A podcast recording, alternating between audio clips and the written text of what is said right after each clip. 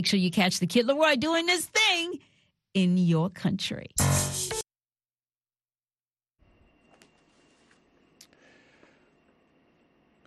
kulan wanaags halkani waa washington laanta afka soomaaliga ee v o a oo aad ka dhageysanaysaan mawjadaha gaagaaban efmiyada geeska africa iyo caalamka oo dhan oo aad nagala socotaan v o a somaly com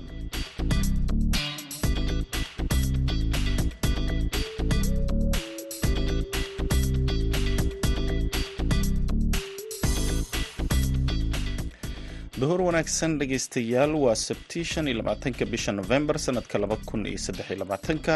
Afrikada bari saacaddu waxay tilmaamaysaa kowdii iyo barkii duhurnimo idaacadda duhurnimo ee barnaamijka dhallinyarada maantana waxaa idinla socodsiinaya anigoo ah cabdulqaadir maxamed samakaan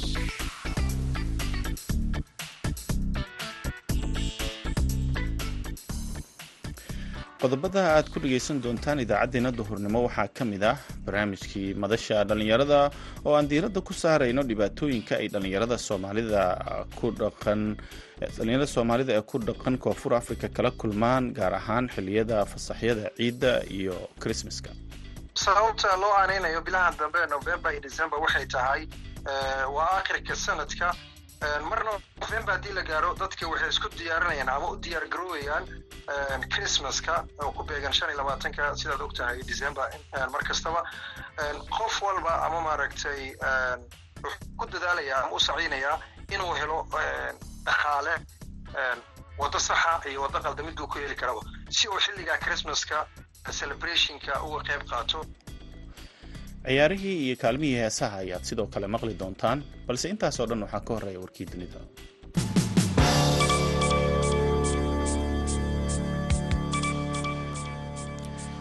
xafiiska qaramada midoobey ee soomaaliya ayaa soo dhoweeyey ku-biirista soomaaliya ee ururka bulshada bariga afrika ee e a c iyagoo ku tilmaamay guul kale oo u soo hoyatay waddadii ay soomaaliya ugu soo noqon lahayd maqaamkeedii saxda ahaa ee beesha caalamka iyo xiriirka ay la leedahay dalalka dariska la ah.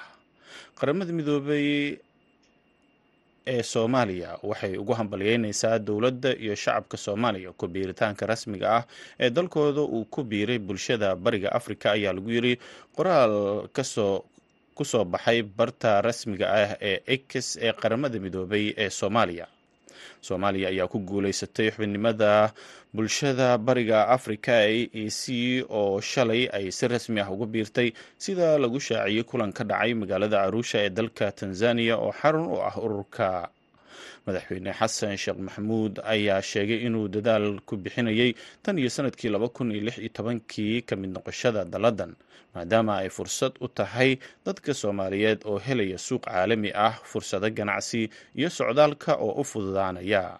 Soomaaliya ayaa noqonaysa dalkii sideedaad ee xubin ka noqda ururka e a c waxaana ay ku biiraysaa burundi jamhuuriyadda dimuqraadiga ee congo kenya ruwanda south sudan uganda iyo tanzania. Maleeshiya looga shakisan yahay inay yihiin islaamiyiin ayaa dilay ugu yaraan afar iyo toban qof weerar ay ku qaadeen tuulo ku taala bariga jamhuuriyadda dimuqraadiga ee congo habeennimadii khamiista sida ay jimcadii sheegeen.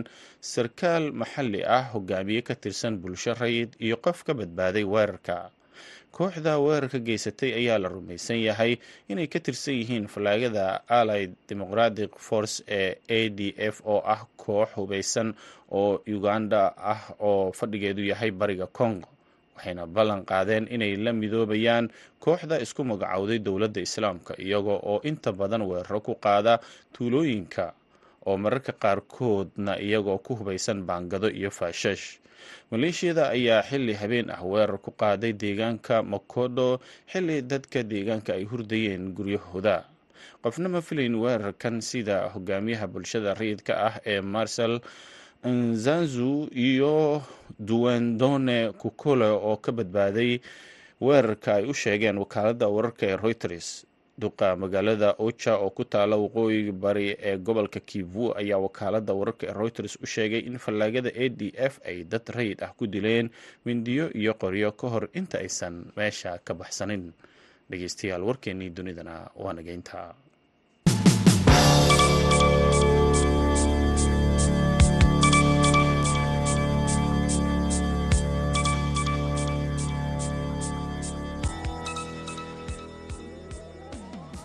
duhur wanaagsan mar kale dhegaystayaal halkaad nagala socotaan waa idaacadda v o a oo idinkaga imaaneysa washington.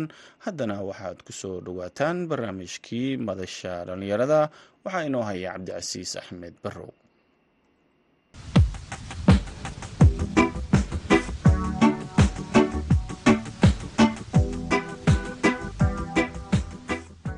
kulanti wacan oo wanaagsan khiyaarta nala socota ee ku soo dhowaada barnaamijkii madasha dhallinyarada oo toddobaadkan idinkaga imaanaya magaalada nairobi. Anigoo cabdilcasiis barrow ayaa idila socodsiin doona. Waxaynu ku falanqeyn doonaa dhibaatooyinka dhallinyarada ku nool dalka. South africa ay la kulmaan bilaha nofembar iyo disembar ee sanad walba oo dad fara badan oo soomaali ah la sheego in dalkaasi lagu dilo. Barnaamijka toddobaadkan waxaa igu marti ah gudoomiyaha jaaliyadda soomaaliyeed ee gobolka north west ee dalka south africa shirwac cali axmed oo barnaamijkan inagala qeyb qaadanaya. Shirwac marka hore soo dhawow. Bal waxaad iga warantaa bilahan nofembar iyo disembar oo kale south africa dilalka waa ku badan jireen gaar ahaan dhallinyarada shaqaysata. Bal hadda xaaladiinu waa sidee? Aad baad u mahadsantaha cabdilcasiis axmed barrow. Waan salaamayaa idaacadda v o a iyo dhegeystayaasheeda. Haddii aan ka jawaabo su'aasha ay weydiisay waddankan koonfur africa inta badan markii la gaaro bilaha dambe sida november iyo december waxaa bato falalka dembiyada sida dilka iyo dhaca. Waana iska maaragtay wax macluuma dadkana wada og yihiin. Annaga ka soomaali ahaana waxaan nahay dadka maaragtay ugu fudud ee maaragtay dhibaatooyinka loo geysto.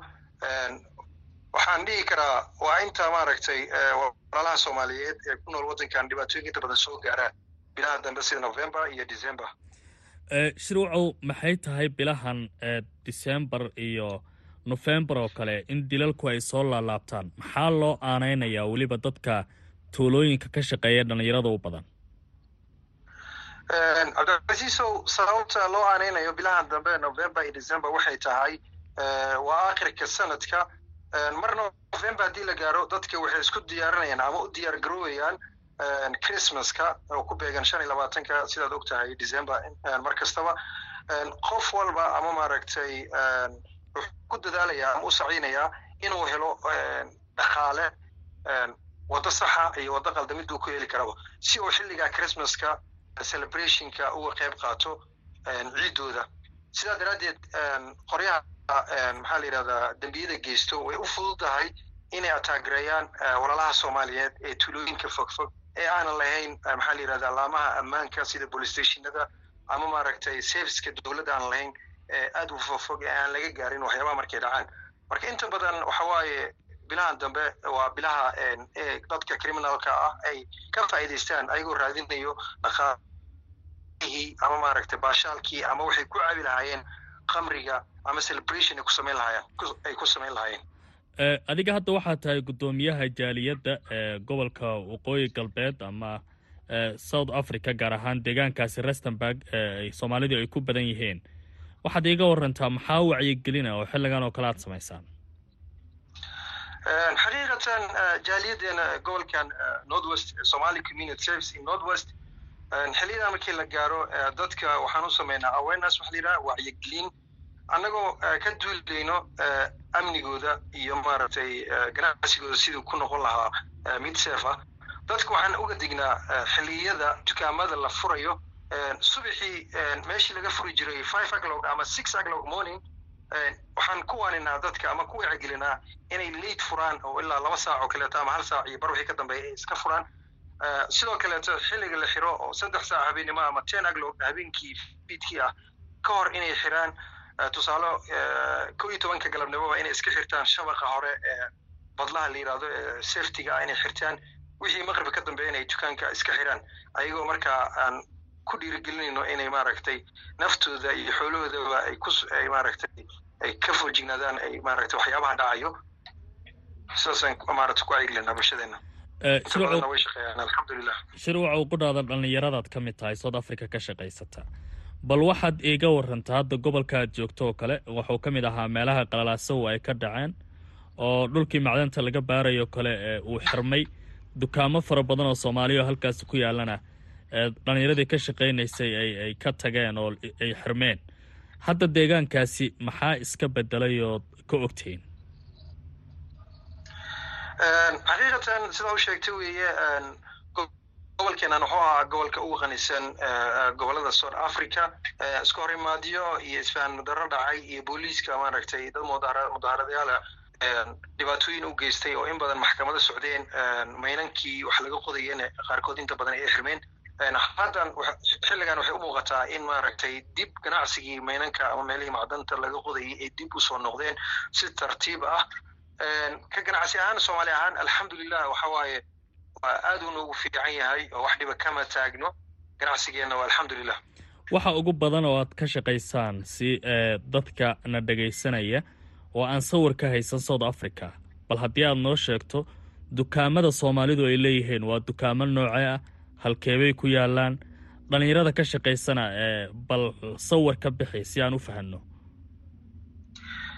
Xaqiiqatan markii la yidhaaho south africa walaalaha soomaaliyeed ka baxsan waddankan south africa waxay ka aaminsan yihiin meel aad u xun ama u dhibaatada aad maaragtay u badan tahay. Annaga halkaan joogno gudaha joogana waxay noo la mid tahay dhacdooyinka ka dhaco caalamka oo kaleeto ama soomaaliya ama maraykanka ama waddamada kale africa ay noo la mid tahay. Sababto meel walba waa lagu dhintaa laakiin xogow amniga ayaa halkan aad inooga liito. Sababta keenaysana annaga naftirkeenna waxa waaye waxbaan aan ka geysanayo walaalaha soomaaliyeed waddanka markay yimaadaan ganacsiga waxay ka bilaabaan meelo aad u fogfog tuulooyin aad u fogfog oonan lahayn laamaha amniga ama caafimaadka ama facilityga normalka oo sida korontada iyo biyaha oo kaleeto lahayn halkaas unbaa ganacsiga laga bilaabaa. Haddii aan u soo noqdo su'aashaada soomaalida inta badan waxay ka ganacsadaan raashinka ama cuntada waxaan dhihi karaa groceryga ay ka ganacsadaan soomaalida waxay sameeyaan waxay tegayaan meelaha fogfog tuulooyinkay tegayaan waxay qiimeynayaan xaaladda meeshaas dhaqdhaqaaqa dadka ku nool in dad badan yihiin oo wax gada karo yihiin. Isla markaa halkaa waxay ka yegleelayaan dukaan macmal ah inta badan qofka markuu yimaado ama businesska uu bila u yahay ma haysto dhaqaale uu ku dhiso dukaan oo adag oo dhagax ah ama bulketi ah ma haysto. Waxay ka bilaabayaan jingad iska yara khafiif ah jingadaas markii la furo hadda waa dareemi kartaayo stockiyaa la soo dhigaya shalfs baa la saaraya stockiyaa la soo dhigaya waa laga shaqaynaya alxamdulilah waayihii hore sida loogu shaqaysan jiray iyo hadda wax badanaa iska bedelay soomaalida soomaalida waxay samaysay dhexgal bulshadii samaysay sidoo kaleete waxay fahmeen qaabka loo shaqaysto wadankan waa dareemi kartaa soomaalida waxay timid laga soo bilaabo wixii ka dambeeyay soomaalida soo gelayeen fahamka ayagoo soomaalida qabo ama maaragtay ka qaata experience hadda qaabkii loo shaqaysan jiray waxbaa iska bedelay waxaad arkaysaa soomaalida ganacsiyaal waaweyn ay furanayaan.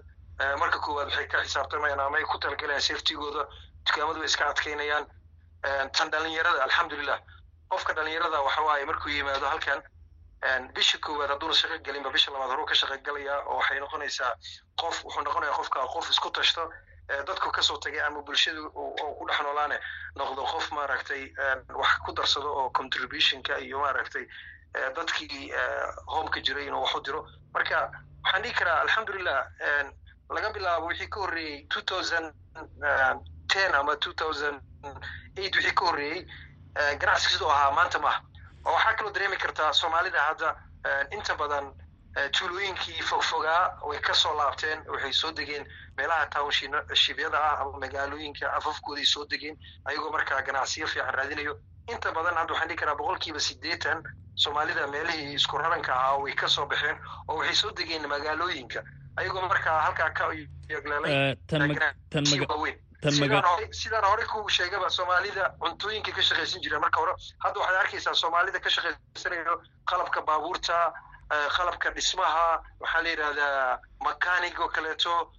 Waxyaaba badan businesska inta badan hadda waanu galnay hadda waxaan ugu soo kordhay warshadaha. Warshada soomaalida inta badan ay ku soo biirisay waddanka ay ka shaqaystaan aad isku bedela businesska. Waa gartay waan u imaan doonaa magaalooyinka aad soo gasheen iyo ganacsiyadan dukaamada ka bedelan oo la sameeyey. Laakiin waxaan rabaa inta badan booliiska south africa ilaamaha amnigu waxay sheegi jireen soomaalida inay lacagaha dukaamada ku dhaxayaan oo dhallinyarada aysan geysan lacagahooda bangiyada. Arrintaasina ay tahay waxyaabaha qasbayay in dadka burcadda ah ama kuwa wax dhaca ay soo hunguriyeeyaan arrimahaasi maxaa iska bedelay xaqiiqatan warkaa wuu jiraa laakiin wax badan ayaa iska bedelay waa tan koowaade markii hore markuu dhaco faldembiyeed tusaale qof la dhaco ama la dhaawaco ama uu dhintaba waxaa laga yaabaa markii hore inaan kiis la furi jirin oo tixraac la samayn jirin. Haatan meesha kiis la furo maxaa la yidhahda qofkii dhaawaca soo gaaray ama dhintay ama hantidiisa la burburiyey ama la dhacay dabagal weyn lagu sameeyo. Soomaalida intaa waayahan dambe waxaanu samaynaa dhiirigelin ah qofkii dhibaato soo gaarto haba yaraatee ama ha badnaatee inuu furo. Markaan ilaa heer maxkamadeed ama heer kiiskaas la soo gabagabeeyay aan daba soconno taa oo markeedii hore aanan la daba kici jirin keeni jirtana in faldambiyada nagu sii bataan. Tan kale oo ah lacagaha adduunka wuxuu iska noqday digital iska noqday. Way jiri jirtay in soomaalida dukaamada lacagaha isaga haystaan.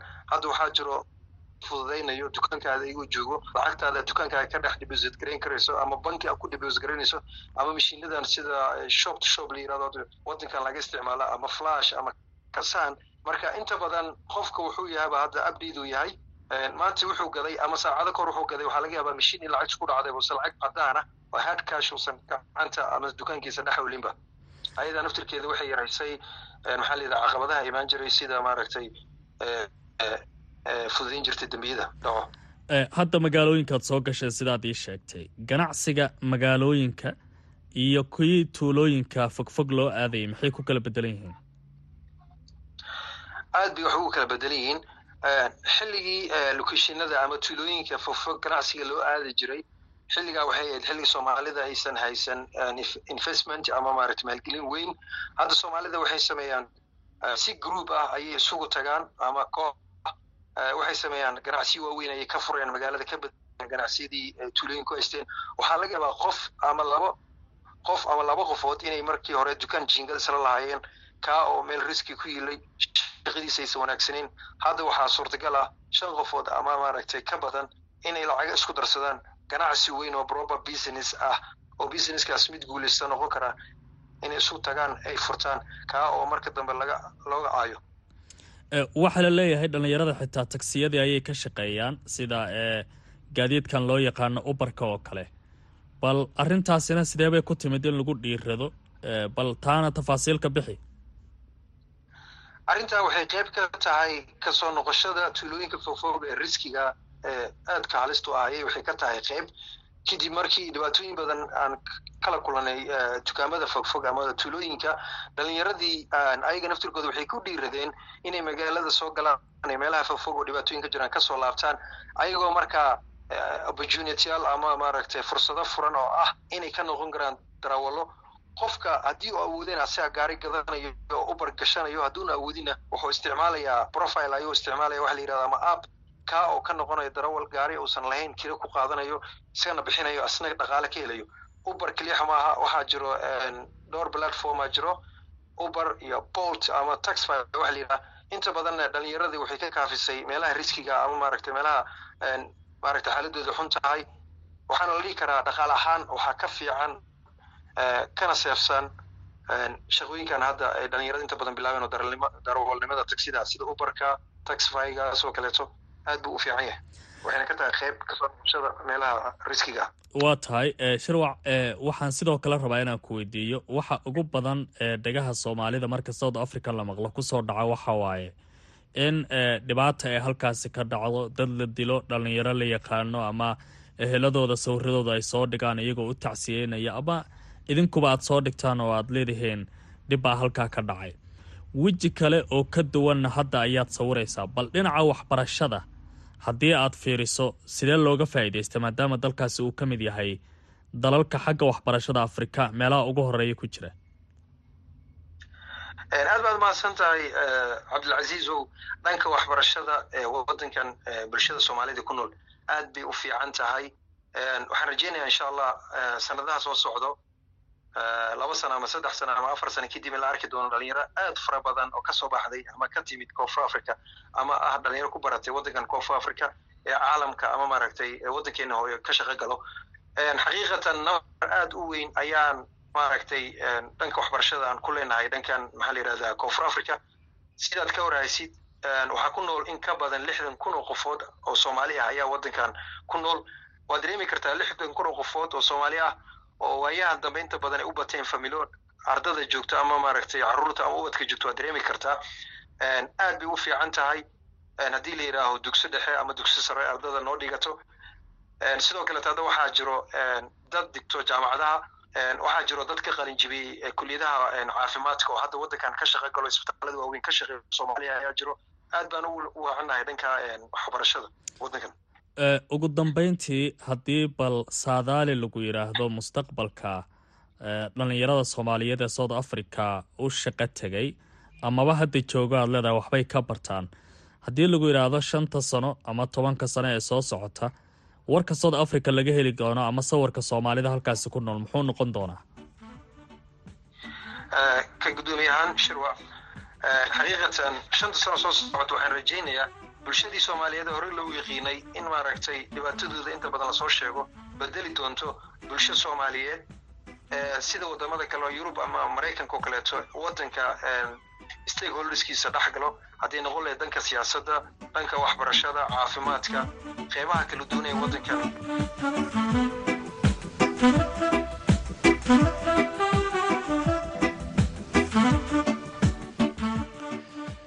aad uu mahadsan yahay. Cabdicasiis axmed barrow oo nala socodsiinayey barnaamijkii madasha dhallinyarada. Weli waxaad nagala socotaan idaacadda v o a oo idinkaga imaaneysa washington duhur wanaagsan mar kale dhegeystayaal haddana wararkii cayaaraha. Haddii aan ku horeyno qaaradda yurub kadib markii laga soo laabtay ciyaaraha qaramada isreebreebka koobka adduunka ee qaaradaha ayaa waxaa dib lisugu soo laabtay horyaaladii waaweynaa iyadoo maantana ay horyaaladaasi waaweyn ka jiraan sidoo kale kulamo waaweyn oo maaragtay la ciyaari doono. Haddii aan ku horeyno horyaalka ingiriiska kulanka sida weyn loo sugayo maanta ayaa waxa uu yahay kan saacad kadib dhex mari doona kooxaha manchester city iyo liverpool kulankan ayaana markaasi wuxuu u soo galayaa xilliga qadada ee dalka ingiriiska. Waa kulanka ugu soo horreeya labadan kooxood ayaa waxay ku kala jiraan kaalimaha koobaad iyo labaad ee horyaalka premier leaga sidoo kalena waxaa ka dhexeeya xifiltan weyn ciyaartan ayaana loo arkaa toddobaadkan tan ugu adag ama midda ugu adag bishan maadaama manchester city oo difaacanaysa horyaalka. Hogaankana haysa ay garoonkeeda ku martigelinayso kooxda ay xifiltimaan ee liverpool oo iyadana ku jirta kaalinta labaad. Haddii liverpool ay badiso waxaa u suurta geli doonta muddo kadib inay qabtaan horyaalka premier leaga sidoo kalena laba dhibic ayay ka kormari doonaan kooxda manchester city halka haddii city ay guuleysatana ay afar dhibic hore uga sii dhaqaaqi doonto kooxda liverpool. Waa arki doonaa natiijada kulankan idaacadeena dambe ayaad ku dhegeysan doontaan. Kulamada kale ee horyaalka premier league la ciyaaraya waxaa ka mid ah banley iyo westerham luton iyo weliba crystal palace. Kulan kaloo adag ayaa jiri doona kaasoo udhexeeya kooxaha newcastle united iyo chelsea waana kulamada ugu adag ee maanta dhacaya ee horyaalka premier leaga branford iyo arsenal ayaa isku dhegan sheffield iyo bornemouth ayaa is arki doona. Dhinaca laliigahana kooxda barcelona ayaa waxay isku aadan yihiin kooxda rio volcano. Valencia iyo saltavigo ayaa isku aadan. Khitaf iyo almeria ayaa isku aadan. Halka atlatico ay ku aadan tahay ama atlatico madrid ay ku aadan tahay kooxda kale ee mayorka laakiin horyaalka talyaaniga ayaa maanta waxaa ka jira kulamo adag waxaana isku aadan kooxaha aan iraahdee napoli iyo atlanta waana mid ka mid a kulamada adag ee maanta dhacaya. Kooxda ac milanna waxay garoonkeeda ku soo dhoweyn doontaa kooxda fiorentina. Kooxda napoli oo sannadkii la soo dhaafay si la yaab leh ugu guuleysatay horyaalka siraaga ayaa sanadkan sidii hore u xooganeen laakiin waxay iska hor imaan doonaan kooxda atlanta oo iyadana ka mid ah kooxaha waaweyn ama awoodda leh ee horyaalka siraaga marka loo fiiriyo xilli ciyaareedkii la soo dhaafay meesha ay ku dhamaysteen lazio iyo salanatanana way isku aadan yihiin. Dhinaca horyaalka jarmalkana kulamo adag ayaa ka jira. Kooxda brusia dortmond ayaa waxay ku aadan tahay kooxda kale ee brusia manchalabad waxaa sidoo kale isku aadan freeborg iyo weliba dosmanti laakiin kooxda sanadkan wacdaraha dhigaysa ee bayer leverkusen ee tababaraha uu u yahay shavi alonso ayaa waxay la ciyaari doontaa kooxda wender bremen.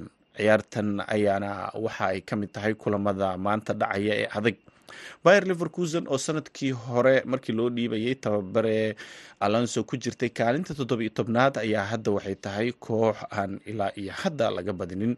Weliba alonso ayaa lagu tilmaamaa inuu yahay ilaa iyo hadda tababare horumar weyn ka sameeyey xirfadiisa tababarnimo maadaama uu yahay tababare heerkaasi ku cusub.